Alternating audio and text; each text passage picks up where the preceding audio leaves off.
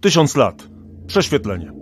Podcast Muzeum Historii Polski o najważniejszych wydarzeniach w historii Polski.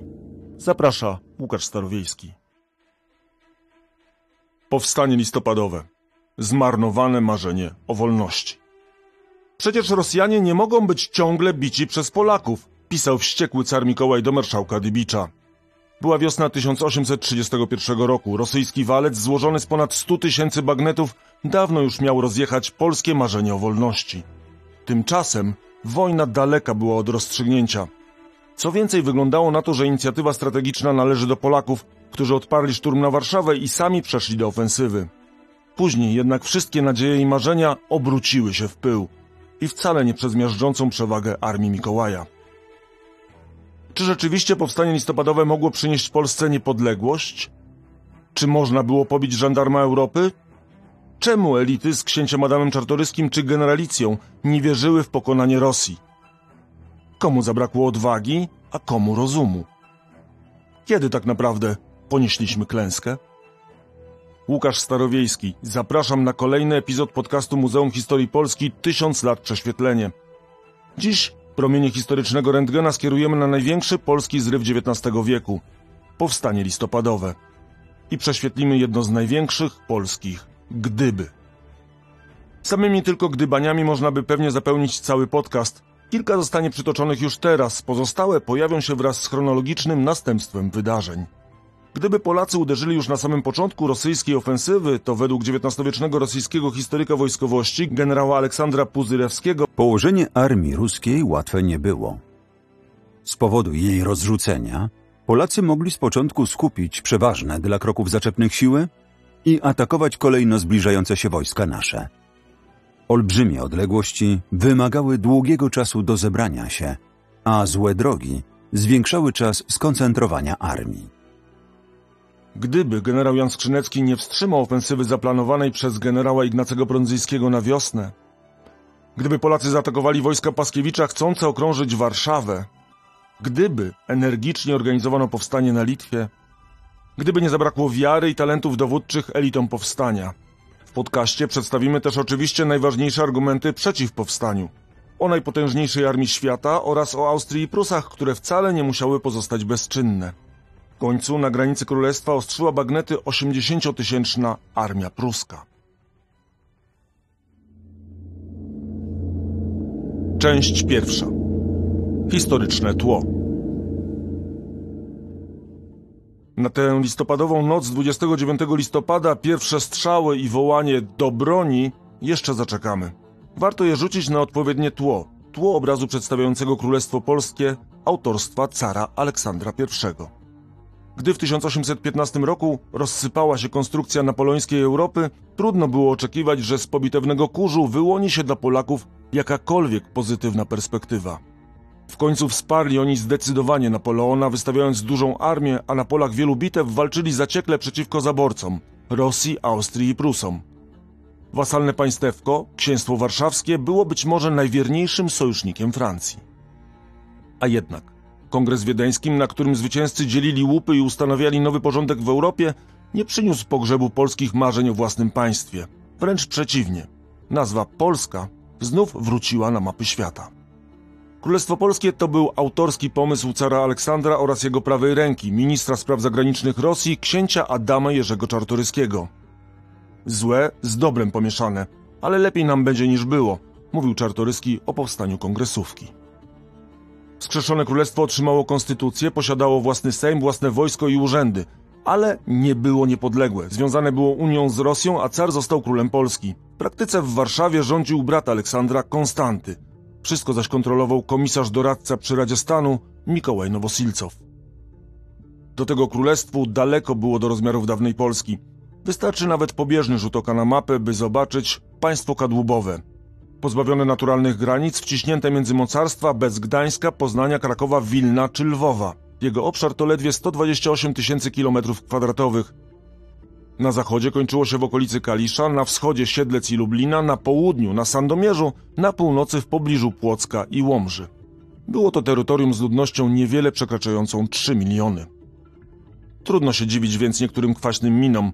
Wielki polski bohater Tadeusz Kościuszko odmówił przyjazdu do Warszawy, twierdząc, że to pośmiech i dodając proroczo, że tak szczupła garstka populacji nigdy nie zdoła obronić intrydze, przewadze i przemocy Rosjan. Namiastki suwerenności szybko zostały ograniczone. Działaj swobodnie, nie troszcz się o resztę. Masz carte blanche, powiedział Aleksander do Konstantego, gdy ten pytał go o konstytucję. Już w 1819 roku wprowadzono cenzurę prasy. Sejm tylko początkowo zwoływany był co dwa lata. Za to z roku na rok rozrastała się tajna policja. Konstytucja leży na stole, a bat pod stołem. Tak sytuację ujmował ówczesny aforyzm. Gleba do tworzenia nielegalnych organizacji niepodległościowych została solidnie użyźniona. Pierwsze konspiracyjne grupy zaczęły działać jeszcze przed rokiem 1820. Zakładane przez uczniów i studentów nie były zbyt liczne. Zresztą i potem trudno mówić o masowej konspiracji. Jeśli Aleksandra można było z pewną przesadą nazwać liberalnym carem, jego młodszy brat i następca Mikołaj był jego przeciwieństwem. Tak pisał Norman Davis w Bożym Igrzysku. Ten autokrata zarówno z usposobienia, jak i z przekonania Nabuchodonozor Północy uważał Królestwo Polskie za wrzut na ciele świętej Rosji. Dojrzały do tego, by go przeciąć. Oficjalnie Mikołaj robił jednak dobrą minę do złej gry. W 1829 roku w Warszawie włożył na głowę koronę króla Polski. Notabene według części historyków ten akt czyni jego, a nie Stanisława Augusta Poniatowskiego, ostatnim polskim władcą. Nie brakowało wiele, by tę głowę w Warszawie stracił. Dość daleko posunęły się bowiem plany spisku na Mikołaja, przygotowane przez młodych oficerów i cywilów, w tym Piotra Wysockiego. Ale dla sprzysiężenia podchorążych założonego rok wcześniej zegar historii nie wybił jeszcze godziny zero. Celem sprzysiężenia było wywołanie powstania, ale pod innymi względami związek ten był ułomny. Pisał o tym historyk Tadeusz Łebkowski. Stawiał prawie wyłącznie na wojsko, nie miał żadnego programu społecznego, polegał na opiniach starszych w narodzie, czyli jak uważali podchorążowie, pewnych nieskazitelnych patriotów. Chodziło o Juliana Ursyna Niemcewicza, Joachima Lelewela, Gustawa Małachowskiego czy niektórych generałów, na przykład Stanisława Potockiego, Józefa Chłopickiego czy Ludwika Paca. Podchorążowie zdecydowanie byli na walkę, lecz jedynie za zgodą doświadczonych polityków. Historia zrywu pokaże, że nadzieje podchorążych nie zostały dobrze ulokowane. Jak traktowała ich część owych nieskazitelnych patriotów, świadczy raport generała Potockiego dla cara. Dzieciuchy uprzędły sobie w głowie, że mogą jakieś zrobić zaburzenie. Wojskowe dzieci spędzały na cywilnych inicjatywę, cywilne na wojskowych. I my, i wielki książę przekonał się, że nie ma z czego robić niepotrzebnego hałasu. Nie minie kilka tygodni, a to lekceważenie Potocki przypłaci głową. Z Lelewelem, uwielbianym przez młodzież nauczycielem historii i posłem na Sejm, spiskowcy przeprowadzili kilka prywatnych rozmów. 26 listopada Wysocki zapytał go, czy powstanie byłoby zgodne z wolą narodu. Lelewel odrzekł na to, że wola narodu nie jest mu znana. Z kolei zapytany, czy mogą zaufać ojcom narodu, otrzymał odpowiedź zdecydowaną. Możecie. Możecie zupełnie. Nim z podchorążymi ruszymy w listopadową noc, Zatrzymajmy się jeszcze na chwilę w Królestwie Polskim, próbując znaleźć odpowiedź na pytanie, dlaczego powstanie ostatecznie wybuchło. Posłuchajmy Łukasza Sobechowicza, historyka z Muzeum Historii Polski. Przyczyny wybuchu powstania listopadowego podzieliłbym na dwie kategorie. Pierwszą było oczywiście pragnienie odbudowy niepodległego państwa polskiego. Drugą myślą była niezgoda na pozostawienie samym sobie mieszkańców ziem zabranych, milionów współbraci. Czynniki krótkookresowe które zaistniały przed wybuchem powstania listopadowego, to rewolucyjna atmosfera w Europie w roku 1830. Wszystko to w oczach Polaków było dowodem na to, że sypie się, wali się dawny ład międzynarodowy stworzony na, na Kongresie Wiedeńskim, co oczywiście odczytywano jako szansę na realizację aspiracji niepodległościowych. Jesienią 1830 roku po Warszawie krążyły plotki, że lada dzień zostanie zmobilizowane wojsko polskie i wysłane na zachód, by tłumić rewolucję belgijską. Powszechnie odczytywano to jako groźbę likwidacji samego Królestwa Polskiego. Do tego jeszcze pamiętajmy, że osoby aktywnie zaangażowane w działalność niepodległościową, członkowie sprzysiężenia podchorążych, e, obawiali się, że na ich ślad wpadła tajna policja księcia Konstantego, i że lada dzień rozpoczną się masowe aresztowania. Odkładać powstania dłużej nie było można. 20 listopada ogłoszono rozkaz stawiający w stan pogotowia armię rosyjską i wojsko polskie. Miały one powędrować na zachód, by zdusić rewolucję francuską i belgijską. Pojawiły się też uzasadnione plotki, że car może wykorzystać sytuację, by spacyfikować za pomocą armii Królestwo Polskie. Do tego wścibskie nosy Nowosilcowa i jego tajnej policji niuchały już niebezpiecznie blisko niektórych spiskowców. Ląd płonął i choć w tę noc początkowo wysiłki podchorążych spaliły na panewce, to jednak przyniósł wybuch, o którym bez wielkiej przesady można powiedzieć, że zatrząsł całym rosyjskim imperium. Część druga. Noc listopadowa. Wybuch mimo falstartu. Jeśli tej nocy coś mogło się nie udać, niezawodnie kończyło się klapą. Bo tej wilgotnej listopadowej nocy praktycznie wszystko szło nie tak. Przynajmniej przez kilka pierwszych godzin. Ale po kolei. Plan spiskowców wydawał się całkiem rozsądny i dopracowany. Mówiąc pokrótce, miał cztery cele: pojmanie lub zabicie Konstantego, zmobilizowanie polskich oddziałów, przekazanie dowództwa nad powstaniem jednemu z doświadczonych generałów, a także zdobycie arsenału. Piotr Wysocki, porucznik i wykładowca musztry w szkole podchorążych, punktualnie o szóstej wkroczył na lekcję taktyki. Wbiegłszy do sali, zawołałem na dzielną młodzież. Polacy, wybiła godzina zemsty. Dziś umrzeć lub zwyciężyć potrzeba. Idźmy, a piersi wasze niech będą termopilami dla wrogów. Na tę mowę i zdala grzmiący głos. Do broni, do broni. Młodzież porwała karabiny, nabiła je i pędem błyskawicy skoczyła za dowódcą. Było nas stu sześćdziesięciu kilku. Znakiem do rozpoczęcia działań miał być pożar starego browaru na Solcu. Tyle, że ogień zapłonął słabo i szybko został ugaszony. I zaalarmował nie spiskowców, a Rosjan. Nie był to koniec niepowodzeń. Pierwsze godziny to zupełny chaos. Niewyraźny ognisty sygnał powoduje, że na miejsce zbiórek spiskowcy docierają z opóźnieniem lub wcale. Wysocki nie wie, czy grupa wyznaczona do zdobycia arsenału w ogóle rozpoczęła działania. Na pewno zawiodła grupa wyznaczona do najważniejszego zadania pierwszych godzin zamachu na Konstantego. Uczestnicy i świadkowie przedstawiali wiele wersji ataku na Belweder i tylko jedno jest pewne. Wielkiemu księciu włos z głowy nie spadł. Chaotyczne są też starcia z Rosjanami. Spiskowcy przebijają się w kierunku traktu królewskiego, ale i tu czeka ich duże rozczarowanie. W okolicy Placu Trzech Krzyży podchorążowie natykają się na jadącego do Belwederu generała Potockiego. To bohater powstania kościuszkowskiego i czasów napoleońskich, czyli idealny wydawałoby się przywódca. Buntownicy nalegają. Generale, prowadź nas dalej. Potocki odpowiada. Dzieci, uspokójcie się. Ostatni to już raz lekceważenie spiskowców uchodzi mu na sucho. Podchorążowie w milczeniu rozstępują się, a Potocki jedzie do Konstantego, by zapewnić go o swojej wierności. Ciemne i głuche na okrzyki Do broni, Polacy! Pozostają też reprezentacyjne ulice, Nowy Świat i krakowskie przedmieście. Spiskowcy słyszą tylko trzask zamykanych w pośpiechu bram i okiennic. Nikt nie chce uczestniczyć w tej, jak zaczyna się mówić, młodzieńczej awanturze. Kolejnym generałom dystansowanie się od powstania nie uchodzi już płazem.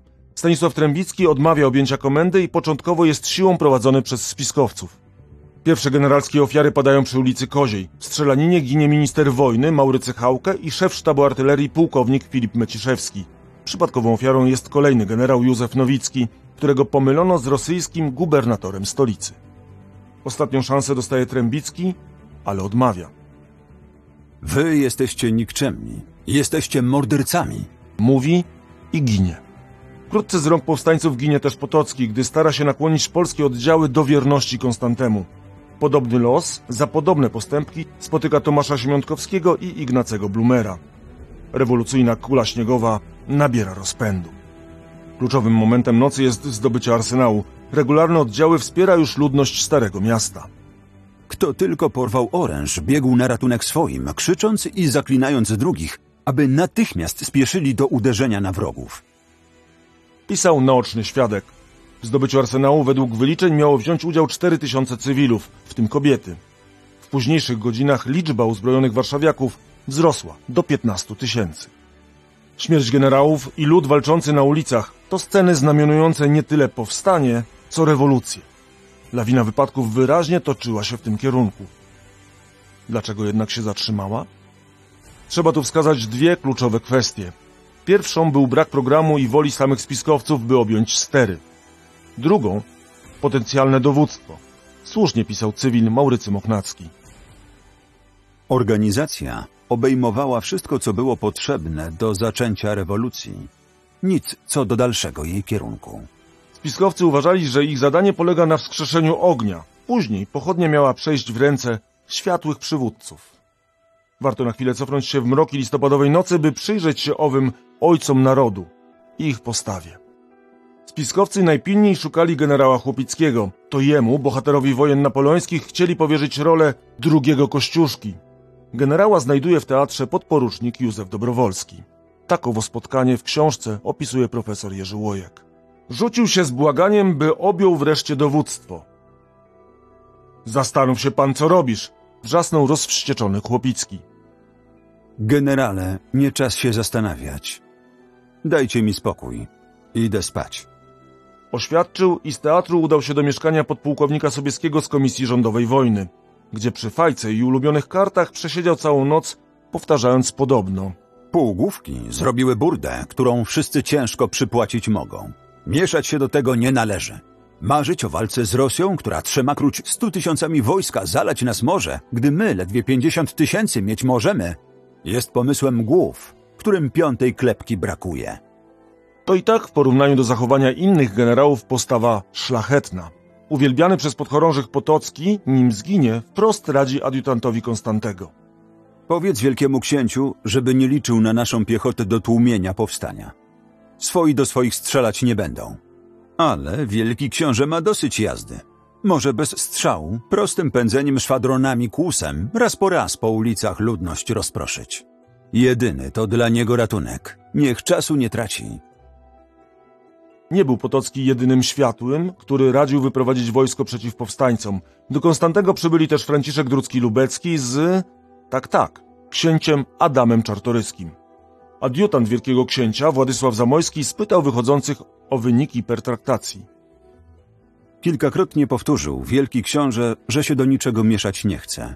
Chociaż żeśmy mu przedstawiali, że on jeden siłą rozporządza. Że zaś my żadnej siły nie posiadamy, zmuszeni będziemy wejść w układy z powstańczym ruchem.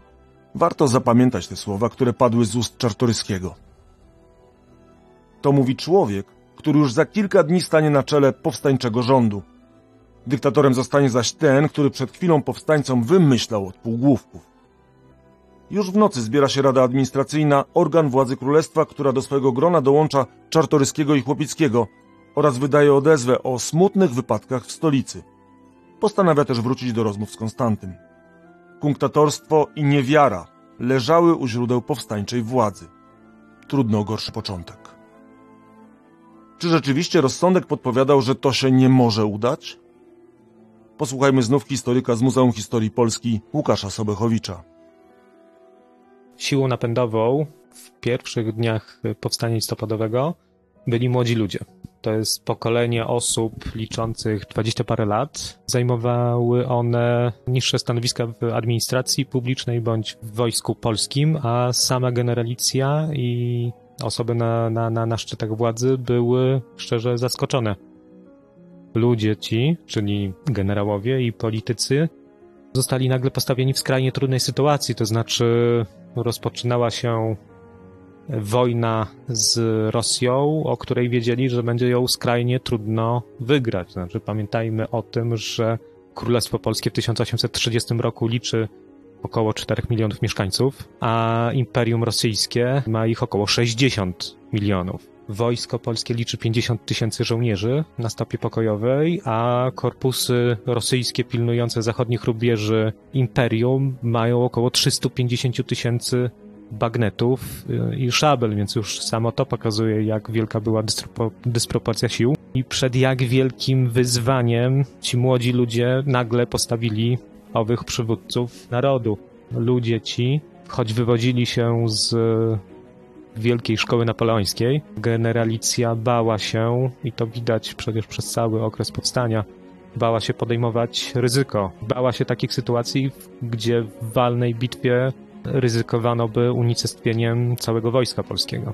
Moglibyśmy powiedzieć, że nad tymi ludźmi unosił się duch y, pokonanego Napoleona. Skoro Bóg wojny nie dał rady wygrać z carem moskiewskim, no to cóż dopiero biedna Polska. I do tego jeszcze osamotniona geopolitycznie i, i na arenie międzynarodowej. Przeciwnik rzeczywiście był potężny. Jego armia powszechnie uważana była za najsilniejszą i najbardziej doświadczoną na świecie. Warto też, przy okazji, zajrzeć co słychać u pozostałych zaborców na wieść o wojnie. Nie wyobrażam sobie, aby car rosyjski był tak pewny swojej sprawy w Polsce i nie potrzebował naszej pomocy. Jeśli by jej zażądał, to król mu jej nie odmówi, ponieważ jest to nasza wspólna sprawa. Pisał w liście generał Karl von Clausewitz, szef sztabu armii zgromadzonej na wieść o powstaniu na granicy kongresówki. Część trzecia. Między kapitulacją a detronizacją. Tymczasem Warszawa kolejnego dnia jest już oswobodzona. Konstanty przeniósł się do podwarszawskiego wierzbna z oddziałami rosyjskimi oraz kilkoma polskimi, które pozostały mu wierne. Namawiany przez własnych generałów, nie zgadza się na próbę odbicia miasta. Chłopicki ostatecznie daje się namówić na przejęcie wojska polskiego, ale tylko w imieniu cara. Inicjatorzy Nocy Listopadowej być może zbyt chętnie podzielili się władzą, ale nie chcą bez reszty utracić na nią wpływu. 1 grudnia powstaje Towarzystwo Patriotyczne. Ostro towarzystwo zaczęło. Miało jeszcze oparcie w uzbrojonym ludzie. Żądało bezzwłocznego rozprawienia się z Konstantym. Tyle, że niewiele wskórało. Do Wierzbna udaje się poselstwo z Czartoryskim, Lubeckim, ale też Lelewelem. Konstanty jest oburzony nominacją Chłopickiego, ale ostatecznie zgadza się wraz z wojskiem rosyjskim opuścić królestwo. Czartoryski jest zachwycony, bo Konstanty zawarł konwencję z rządem, obiecuje, że wszystko puści w niepamięć. Z punktu widzenia zwolenników kapitulacji to rozwiązanie świetne, ale dla powstania katastrofalne. Bez warunków wypuszczony został najlepszy możliwy zakładnik, który zabrał ze sobą 7 tysięcy wrogich żołnierzy. Wypadki w Warszawie rozgrywają się szybko. 3 grudnia w miejsce Rady Administracyjnej powstaje rząd tymczasowy. Brzmi rewolucyjnie? Tyle, że składa się niemal wyłącznie z ugodowców. Rząd wkrótce zwołuje Sejm, a także mianuje Chłopickiego dyktatorem powstania. Ten ostatni nominację odrzuca, by po chwili sam ogłosić się dyktatorem. Może robić co chce, zanim stoi wojsko, a lud stolicy go uwielbia. 60-letni generał miał, jak mówiono, postawę hetmańską, wielkie zasługi w wojnach napoleońskich. W 1818 roku po konflikcie z Konstantym podał się do dymisji, co opinia publicznie mylnie przyjęła jako akt patriotyczny. W rzeczywistości powodem były sprawy ambicjonalne. Nowy dyktator słowa rewolucja nie cierpi, a w powstanie, jak już wiemy, nie wierzy. Liczy wyłącznie na wynegocjowanie starem dobrych warunków pokoju. Już 10 grudnia napisał do Mikołaja, że władzę objął tylko po to, by zaprowadzić porządek. Nie zgodził się też ani na działania zaczepne, tym uderzenie na Litwę, ani na zbytnie powiększenie polskiej armii. Warto na chwilę oddać głos oskarżonemu, by przedstawił swoje racje. Ja nie poprowadzę narodu na jatki, a przynajmniej aż do chwili, gdy cesarz nie odrzuci wszystkich moich propozycji. Jeśli on wzgardzi do tego stopnia, że odrzuci, wówczas zginiemy. Car w dyplomatyczne gierki się nie bawił. 18 grudnia ogłosił manifest, którym nakazał całkowitą uległość. Gdy przybyłe do Petersburga polskie poselstwo nie przywiozło gwarancji bezwarunkowej kapitulacji, rzucił. A więc wojna. Marszałku, wyjedzie pan natychmiast. Moje postanowienia są stanowcze. Poddanie musi być bezwzględne. Obiecuję tylko amnestię dla mniej winnych, a nic poza tym. Rozumie się, że pozostawię krajowi pewne jego zwyczaje administracyjne, ale przy kapitulacji nie dam żadnych zaręczeń konstytucyjnych. W Warszawie tymczasem cały czas wrzało jak w ulu. Na wieści z Petersburga w styczniu władzę złożył Chłopicki. Co do mnie, bić się z Moskalami nie będę. Grzmiał, ale wpływów nie stracił. Nieoczekiwanie na jego następcę Sejm wybiera generała Michała Radziwiła. Fatalny wybór. A powód? Chłopicki miał obiecać, że tylko przy tym dowódcy pozostanie przy wojsku. To on nadal pociągał za sznurki. W innych sprawach Sejm działa sprawnie i listopadowy zryw nakręca. Duża w tym rola liberalnej grupy tzw. Kaliszan z Bonaventurą Niemojowskim. 20 stycznia parlament uznaje powstanie za narodowe. A kulminacja następuje pięć dni później. Podczas debaty nad obraźliwą odpowiedzią z Petersburga marszałek proponuje detronizację Mikołaja, a na środek izby wybiega poseł Jan Leduchowski. Wyrzeknijmy więc wszyscy. Nie ma Mikołaja. Słowa podchwytują inni posłowie, a także zgromadzona publiczność. Pod jej presją akt detronizacji podpisali wszyscy parlamentarzyści, łącznie z Czartoryskim, który składając podpis rzucił ponoć. Zgubiliście Polskę. Datę zrzucenia z polskiego tronu Mikołaja przyjmuje się jako początek wojny polsko-rosyjskiej. Część czwarta. A więc wojna.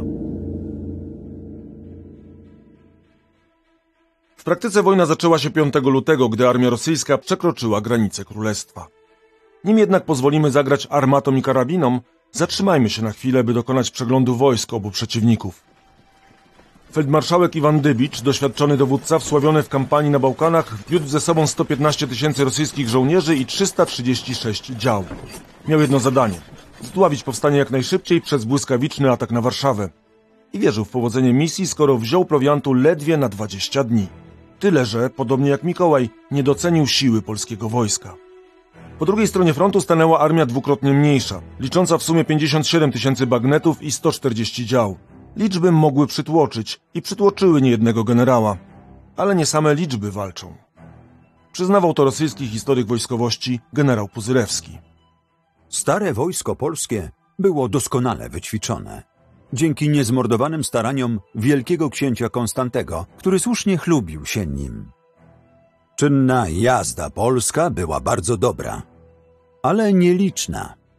Artyleria pod względem składu i zapału była najlepszym rodzajem broni w armii. O tym, że łatwo nakryć Polaków czapkami się nie da, Dybicz przekonał się już na początku inwazji. 7 lutego doszło do pierwszych utarczek, w kolejnym tygodniu do pierwszych bitew pod Stoczkiem, Wawrem czy Dobrem. To Polacy wychodzili z nich w większości zwycięsko, tyle że nie zatrzymali rosyjskiej machiny. Parła naprzód i stanęła pod Warszawą, by przygotować się do ostatecznego uderzenia. Do wielkiego starcia o Olszynkę Grochowską doszło 25 lutego.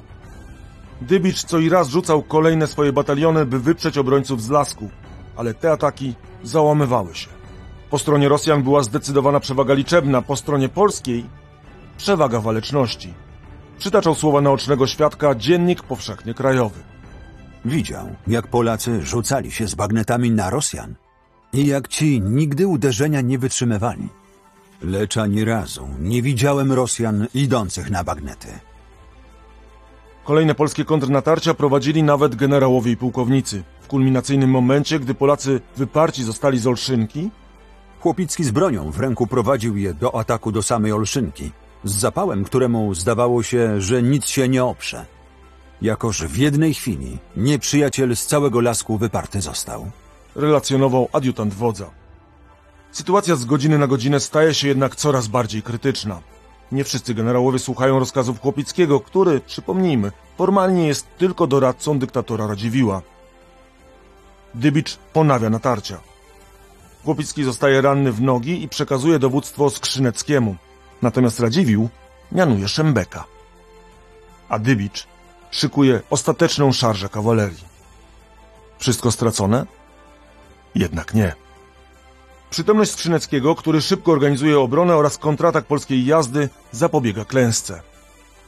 W bitwie Rosjanie stracili około 9,5 tysiąca żołnierzy, Polacy o 2 tysiące mniej. Obie strony sobie przypisały sukces, ale to Polacy mogli odetchnąć. Warszawa była nadal wolna, a wojna w praktyce zaczynała się od nowa. Część piąta. Wstrzymana kontrofensywa. Na rozpamiętywanie bitwy czasu nie było. Już następnego dnia zwołana została Rada Wojenna. Generał Radziwiłł podał się do dymisji, a dyktatorem jednogłośnie mianowano bohatera walk z dnia poprzedniego, Skrzyneckiego. Warto przyjrzeć się sylwetce nowego, 44-letniego wodza. To nominacja Skrzyneckiego zaciąży nad całym powstaniem. Skrzynecki zaciągnął się do armii księstwa warszawskiego, uczestniczył w kampaniach napoleońskich. Raz nawet ocalić miał samego Napoleona, Francuski wódz schronił się w kierowanym przez niego czworoboku. W czasach królestwa awansował na pułkownika. Blisko był związany z księciem czartoryskim. Generałem był ledwie od trzech tygodni. Na razie dla wojska i warszawskiego ludu jest bohaterem. Na czarną legendę musi jeszcze zapracować. Trzeba przyznać, że na początku Skrzynecki zakasał rękawy. Gorliwie przystąpił do reorganizacji armii. Powołał nowy sztab z utalentowanymi pułkownikami Ignacym Prądzyńskim i Wojciechem Chrzanowskim. Stworzył też nową strukturę armii. Ale nowemu dyktatorowi też znacznie bliżej było do negocjacji niż wojny. Tymczasem sytuacja rozwijała się dla Polaków korzystnie. Armia rosyjska zapadła w zimowych leżach. Tam pustoszyła ją epidemia cholery, na którą niedługo umrze sam Dybicz. Do tego źle rozmieszczone mniejsze korpusy stawały się idealnym celem do podjęcia kontrofensywy. Pułkownicy co róż podrzucali Skrzyneckiemu nowe plany kontrataku, a ten je odrzucał. Wreszcie jednak pod naciskiem rządu, sejmu i wojskowych podjął decyzję o ataku. Zwykle w takich sytuacjach mówi się, że końskie kopyta dudniły na drewnianym moście. Nie tym razem. Most na Pragę został przykryty słomą, a wojsko wychodziło pod osłoną nocy z 30 na 31 marca. Element zaskoczenia był najważniejszy. 40 tysięcy żołnierzy przekradło się niezauważenie. W bitwie pod Wawrem zdziesiątkowana zostaje straż przednia dywizji generała Grigoria Rozena. Polacy biorą 2000 jeńców. Dowódca z resztkami wojska cofa się pod Dębę Wielkie, gdzie stoją główne siły Rozena. Polacy idą trop w trop i o 15 uderzają na rosyjski korpus. Gdy zapada mrok, około godziny 18 następuje decydujące natarcie jazdy. Straty Moskwy tego dnia to 6 tysięcy zabitych i rannych oraz 5 tysięcy wziętych do niewoli. Polacy tracą około 500 żołnierzy. Sytuacja jest świetna. Droga na Siedlce stoi otworem. Tej właśnie, być może decydującej chwili wydarza się coś, co naprawdę trudno uwierzyć. Zamiast postawić kropkę nad i, Skrzynecki mówi stop. Na nic błagania i nalegania Prądzyńskiego. Wódz naczelny nakazuje pościg dopiero następnego dnia rano, co pozwala zgarnąć do niewoli kolejne 4000 jeńców, ale niweczy szansę na zajęcie strategicznego miasta na północno-wschodnim Mazowszu. Nie koniec to wszakże polskiej ofensywy. 10 kwietnia pod Iganiami świetne zwycięstwo odnosi awansowany na generała Prądzyński. Tam w kluczowym momencie bitwy prowadząc szarże. Jeszcze raz oddajmy głos stronie przeciwnej, generałowi Puzyrewskiemu. Działał z wielką śmiałością i zręcznością. Odgadł on przebieg bitwy z przenikliwością niepospolitą, a ze wszystkich sprzyjających Polakom okoliczności umiał skorzystać szybko i energicznie. Jeżeli bitwa ta nie wydała rezultatów widocznych i jeśli pod względem strategicznym nie miała żadnego znaczenia, to odpowiedzialność spada za to wyłącznie na Skrzyneckiego, którego działalność w dniu tym stoi poniżej krytyki. 1500 zabitych i kolejny tysiąc jeńców w polskiej niewoli, ale Skrzynecki dobrze zapamiętał sobie Iganie. Więcej na dowódcę Prądzyńskiego nie wyznaczy. Nie pierwszy i niestety nie ostatni raz Skrzynecki nie spróbował wykorzystać nadarzającej się do ataku okazji. Ale i tak do Warszawy wrócił w glorii zwycięzcy. Nie powiodła się natomiast próba wzniecenia dużego powstania na Wołyniu i Podolu. Wysłany korpus generała Józefa Dwernickiego okazał się niewystarczający, by dorzucić wystarczająco dużo żaru do tlącego się tam ognia. Po kilku tygodniach Rosjanie zmusili Dwernickiego do przekroczenia granicy austriackiej, gdzie został internowany. Kuflew. Ta mała miejscowość miała szansę, by wpisać się do historii Polski. To właśnie w pobliżu tej wsi, położonej w środku trójkąta Siedlce, Garwolin, Mińsk Mazowiecki, miało dojść do być może decydującej bitwy powstania. Przynajmniej według planu Chrzanowskiego, który zaproponował, by tam czekać na samego Dybicza. Skrzynecki na argumenty pozostał głuchy. Chrzanowski w końcu stracił cierpliwość i wybuchnął. Prowadzimy wojnę jak tchórze. co przypłacił utratą miejsca w sztabie i nominacją na dowódcę niewielkiego oddziału w lubelskim. W pole Skrzynecki z armią jednak wyszedł. Nie miał wyjścia, bo znów presja rządu, opinii publicznej, ale też podwładnych była zbyt duża. Tym razem zgodził się na plan Prądzyńskiego, by zaatakować gwardie cesarskie, a później, przy dobrych wiatrach, nawet zająć Łomże. Pułki gwardii nazywano elitarnymi, ale raczej nie ze względu na wartość bojową. Korpus oficerski składał się z arystokratycznej młodzieży. Mikołaj przeznaczył gwardię na defiladę po zdobyciu Warszawy. Dowódca, wielki książę Michał, miał nawet rozkaz osobisty cara, by w razie zagrożenia raczej wycofać się, niż podjąć walkę. W kategorii zmarnowanych szans powstania wyprawa na gwardię na pewno jest w ścisłej czołówce, o ile nie osadzona na samym szczycie. Co gorsza, używając określenia z piłkarskich aren, niewykorzystana szansa zemściła się okrutnie i być może zaważyła na losach całej wojny. Znów udało się zachować tajemnicę przed Rosjanami, a na gwardię wyprawiła się silna armia, ponad 40 tysięcy szabel. Sytuacja była dla Polaków korzystna. Wielki książę nie mógł się wymknąć. Musiał przyjąć bitwę, mając o jedną czwartą żołnierzy mniej. Brakowało tylko rozkazu do ataku. Skrzynecki najpierw odwlekał uderzenie, aż do zajęcia mostów w Ostrołęce. Gdy nazajutrz zostały obsadzone, Prądzyński późnym wieczorem udał się do wodza naczelnego. Przyniósł dyspozycję do bitwy na dzień 19 maja. Ale daremnie adiutant podsuwał Skrzyneckiemu rozkaz. Zamiast tego generał studiował starannie francuski dziennik. I rozkazu nie podpisał. Dał tym samym szansę Rosjanom, by wymknęli się z matni. Skwapliwie z niej skorzystali. Dopiero wówczas Skrzynecki zarządził pogoń. Gonił przez 70 kilometrów. Ale Rosjan nie złapał. Sukcesu nie osiągnął, armię zmęczył, a co gorsza znalazł się w ryzykownym strategicznie położeniu. Znacznie oddalony od Warszawy. To właśnie była chwila, gdy odwróciła się karta wojny. Droga na Ostrołękę. Powiedzenie ze słynnej polskiej komedii raczej kojarzy się dobrze. Ale w przypadku powstania listopadowego to była droga ku klęsce. Skrzynecki dopiero teraz był zdecydowany. Zdecydowany, by nie wracać do Warszawy z pustymi rękami. Nie chciał też narazić się na krytykę, że boi się starcia z Dybiczem. Wraz z Prądzyńskim ułożyli plan obrony na rzece Narwi i w miastach Łomży i Ostrołęce. Szef sztabu nazwał go znakomitym planem zasadzkowym. Tyle, że Dybicz nie zasypiał gruszek w popiele. W te pędy ruszył w pomoc gwardiom. Wiedział, że rozgromienie formacji, w których tylu ważnych rodziców ulokowało swoje dzieci, może przypłacić głową, a przynajmniej karierą. To, z punktu widzenia Rosji, była świetna decyzja. 26 maja w polskim obozie nikt nie był przygotowany do walnej bitwy. Dopiero po ataku na korpus generała Tomasza Łubieńskiego dowództwo zorientowało się, że Dybicz natarł głównymi siłami. Nie uniknął też błędów Skrzynecki, który zamiast wycofać się w całości na zachodni brzeg Narwi i zniszczyć mosty, nakazał do ostatka bronić Ostrołęki. Następnie całą swą energię skupił na zepchnięciu Rosjan z zachodniego brzegu, posyłając na straceńcze misje kolejne oddziały pod ogień rosyjskiej artylerii. Jedną z szarż Skrzynecki poprowadził nawet osobiście. Wydawało się, że już nic nie uchroni Polaków od klęski. Około 19 Dybicz przeprawił się na zachodni brzeg, by zaplanować ostateczną szarżę. Wtedy jednak Skrzynecki podjął chyba jedyną tego dnia dobrą decyzję. Na rosyjską piechotę wypuścił baterię konną podpułkownika Józefa Bema.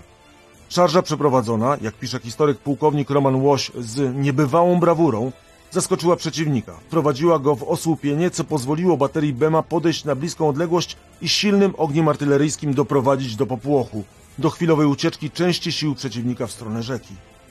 To właśnie owa szarża powstrzymała Dybicza przed wyprowadzeniem być może decydującego ciosu. Wojsko polskie mogło rozpocząć ewakuację w kierunku Warszawy. Jeden tylko korpus wysłano na Litwę, by wspomógł tamtejsze powstanie. To kolejna z wielkich zmarnowanych szans w tej wojnie. Jeżeli Skrzyneckiemu powiedzie się w jego marszu na Wilno, będę uważał Rosję za pokonaną. Ale znów popełnione zostały te same błędy. Korpus okazał się zbyt nikły, a dowodzący nim generał Antoni Giełgut to jeszcze jeden z generałów powstania, który nie zasłużył na pomnik. Rozbite wojsko w połowie lipca przekroczyło granicę pruską i zostało internowane, a dobrze rozwijające się powstanie zaczęło dogasać. Rosjanie oczyścili sobie zaplecze.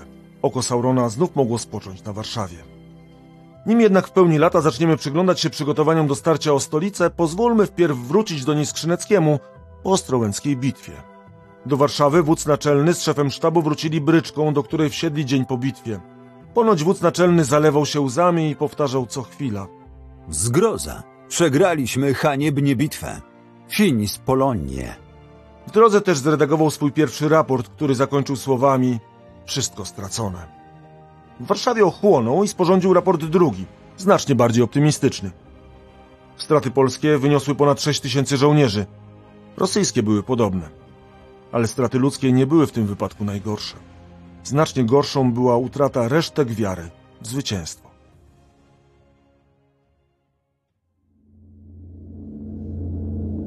Część szósta. Kierunek klęska. Siła polskiej armii była wystarczająca, by spróbować jeszcze raz odwrócić losy wojny. Co więcej, były nawet ku temu okazje. Tyle, że nie było nikogo, kto odważyłby się je wykorzystać. Dał czas Dybicz Polakom, by wylizali rany. Zajął Łomże i Siedlce, ale do dalszego ataku nie był skory. A 10 czerwca feldmarszałek umarł na cholerę.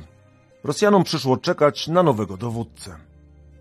Polacy zaś nie próżnowali. Już na początku czerwca armia została uzupełniona i znów liczyła ponad 50 tysięcy żołnierzy. W połowie lipca na polskiej ziemi pojawia się postać, która w naszej historii zapisze się bardzo ponurymi zgłoskami. Feldmarszałek Iwan Paskiewicz obejmuje komendę nad wojskiem. I zaczyna od niezwykle ryzykownej decyzji. Postanawia przeprawić się na lewy brzeg Wisły, by uderzyć na Warszawę od zachodu. Było wielkim szczęściem dla nas, że nieprzyjaciel nie wiedział o naszym marszu. Gdyby był natarł na kolumnę hrabiego Wita, który maszerował najbliżej, to żadna kolumna nie byłaby w stanie przyjść mu z pomocą, gdyż kolumny pogrzęzły po prostu w bagnach, pomiędzy którymi nie było żadnych dróg poprzecznych. Mylił się generał Karl Wilhelm Toll w jednym. Skrzynecki marszu wiedział.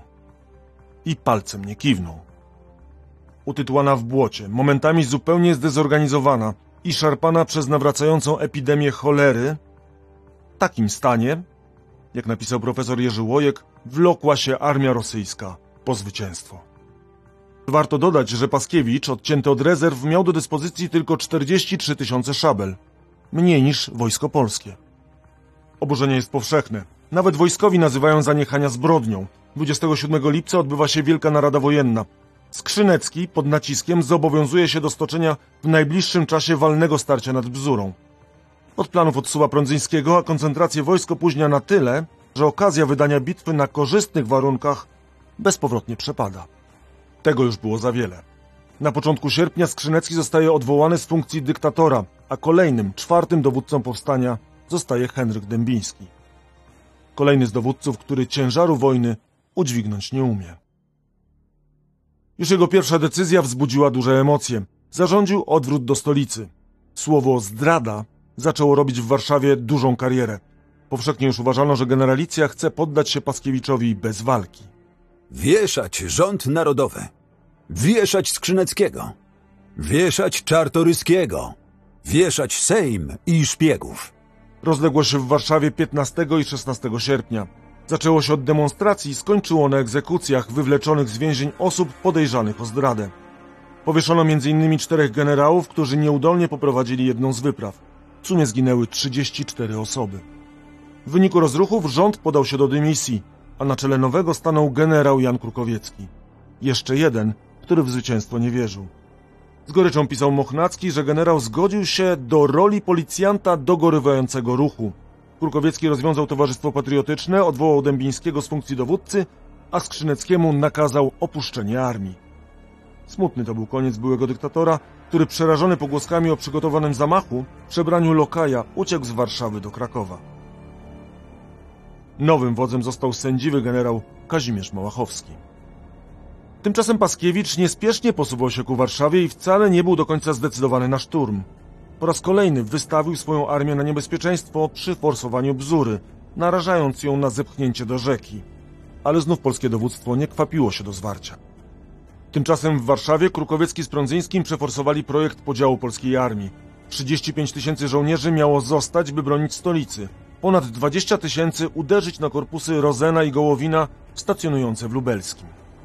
Plan był ryzykowny, na domiar złego Krukowiecki postawił na złego konia. Zamiast wysłać w bój Prądzyńskiego, misję powierzył bliżej nieznanemu włoskiemu awanturnikowi, generałowi Girolamo Ramorinowi. Drugi, mniejszy korpus pod dowództwem Łubieńskiego miał udać się w okolice Płocka. Tych rąk i szabel zabrakło, by obronić przed szturmem Warszawę. Wyprawa Ramorina przyniosła co prawda zwycięstwo w małej bitwie, ale celu strategicznego nie osiągnęła. Co gorsza, Włoch odmówił wykonania rozkazu powrotu w stronę Warszawy. Paskiewicz nie mógł nie wykorzystać okazji, tym bardziej, że nadal sprzyjało mu szczęście. Krukowiecki, choć zawiadamiany przez dowódców o ruchach rosyjskiej armii, do końca nie wierzył, że uderzenie pójdzie na wolę. Szturm na wolę rozpoczął się 6 września o 5 nad ranem. Choć nie był jego świadkiem, Adam Mickiewicz w reducie Ordona dobrze oddał atmosferę tego dnia. Nam strzelać nie kazano. Wstąpiłem na działo i spojrzałem na pole. Dwieście armat grzmiało. Artylerii ruskiej ciągną się szeregi. Prosto, długo, daleko jako morza brzegi. I widziałem ich wodza. Przybiegł, mieczem skinął i jak ptak jedno skrzydło wojska swego zwinął. Wylewa się spod skrzydła ściśniona piechota. Długą, czarną kolumną, jako lawa błota. Nasypana iskrami bagnetów. Jak sępy. Czarne chorągwie na śmierć prowadzą zastępy. Rosjanie rozpoczęli od huraganowego ostrzału polskich umocnień. Szturm nastąpił po następnych dwóch godzinach. Rosjanie mozolnie posuwali się do przodu, zdobywając kolejne umocnienia. Pisał Ludwik Mirosławski, wówczas podporucznik. Wszczęła się zapamiętała bijatyka. Czasem na dopierśne strzały, powszechnie na kolby i bagnety, po bruzdach wału, między szpalerami, po wszystkich ławach wnętrza, bez frontu, odwrotu, bez pardonu z żadnej strony. Po utracie woli Krukowiecki uznał, że dalsza walka nie ma sensu. To była jego ostatnia decyzja. Został usunięty ze stanowiska. Ale decyzji cofnąć się nie udało. Na mocy układu z Rosjanami polska armia miała oddać stolicę i udać się w kierunku Płocka. Po opuszczeniu Warszawy dowódcy wybrali kolejnego, ostatniego już wodza, generała Macieja Rybińskiego. To gorzej niż przegrana bitwa. Określił ten wybór jeden z generałów. Rybiński woli walki nie miał. Praktycznie ograniczył się do rozmów z Rosjanami. Gwoździem do trumny była informacja o przekroczeniu przez oddział generała Ramorina granicy austriackiej i złożeniu broni. 26 września granicę pruską przekroczył premier rządu 5 października. W jego ślady udał się Rybiński wraz z armią 32 tysięcy żołnierzy. W sumie bez walki broń złożyła ponad 50-tysięczna armia. Ostatnie punkty oporu poddały się w kolejnych dniach. Modlin 9, a Zamość 21 października. Większość głównych bohaterów z Czartoryskim, Niemojowskim, Mochnackim czy Lelewelem udała się na emigrację. W sumie 11 tysięcy osób. Część z Piotrem Wysockim została zesłana na Sybir. W Warszawie rozpanoszył się zwycięzca. Car Mikołaj mianował Paskiewicza gubernatorem. Na rozkaz Mikołaja ograniczona została autonomia, zamiast konstytucji wprowadzony został statut organiczny, zlikwidowano Sejm, polskie sądownictwo oraz administrację. W Warszawie powstała potężna i ponura cytadela. Carski but gniotący odtąd bezwzględnie wszystkie niepodległościowe ruchy. W ten właśnie sposób zakończył się sen o polskiej wolności. Nad Królestwem Polskim właśnie zapadał zmierzch, który miał przerodzić się w długą, paskiewiczowską noc. Postawmy pytanie, czy głównie z powodu błędów samych Polaków? Inaczej mówiąc, czy powstanie miało rzeczywiście szansę powodzenia? Znów posłuchajmy historyka Łukasza Sobechowicza.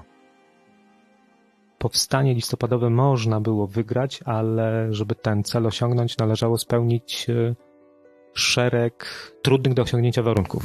Dowództwo polskie musiałoby działać bardziej energicznie, dążyć do przejęcia inicjatywy strategicznej. Często podnosi się, że zaprzepaszczono szansę na zorganizowanie powstania na Litwie i na Ukrainie. Żeby wygrać powstanie, prawdopodobnie należałoby również zaktywizować szerokie masy ludności Królestwa Polskiego, czyli chłopów, ale klasa polityczna, ziemianie nie byli ani zainteresowani w zniesieniu pańszczyzny, ani w uwłaszczeniu chłopów, a bez tego trudno sobie wyobrazić, by można było formować partie chłopskie, które walczyłyby później z armią rosyjską.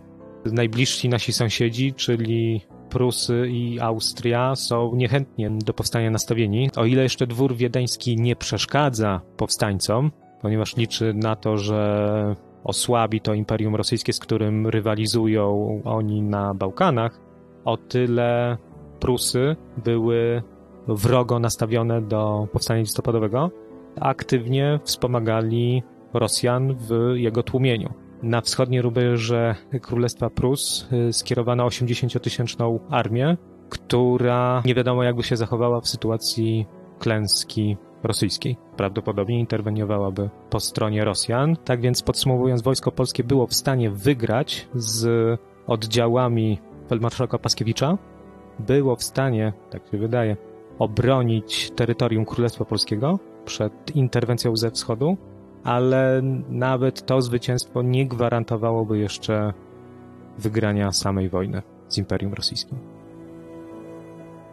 Zapewne nie ma jednej odpowiedzi na temat szans powstania.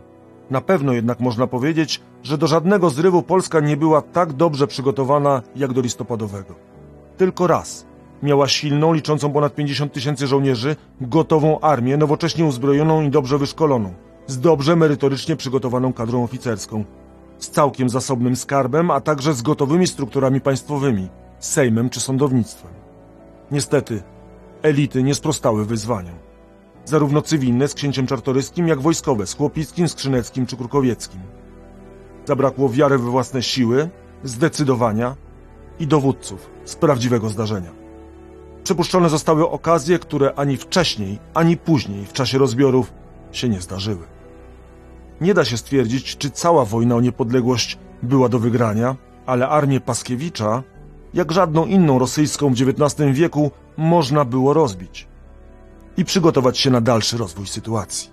A tak, na kolejną realną szansę niepodległości trzeba było czekać niemal 90 lat.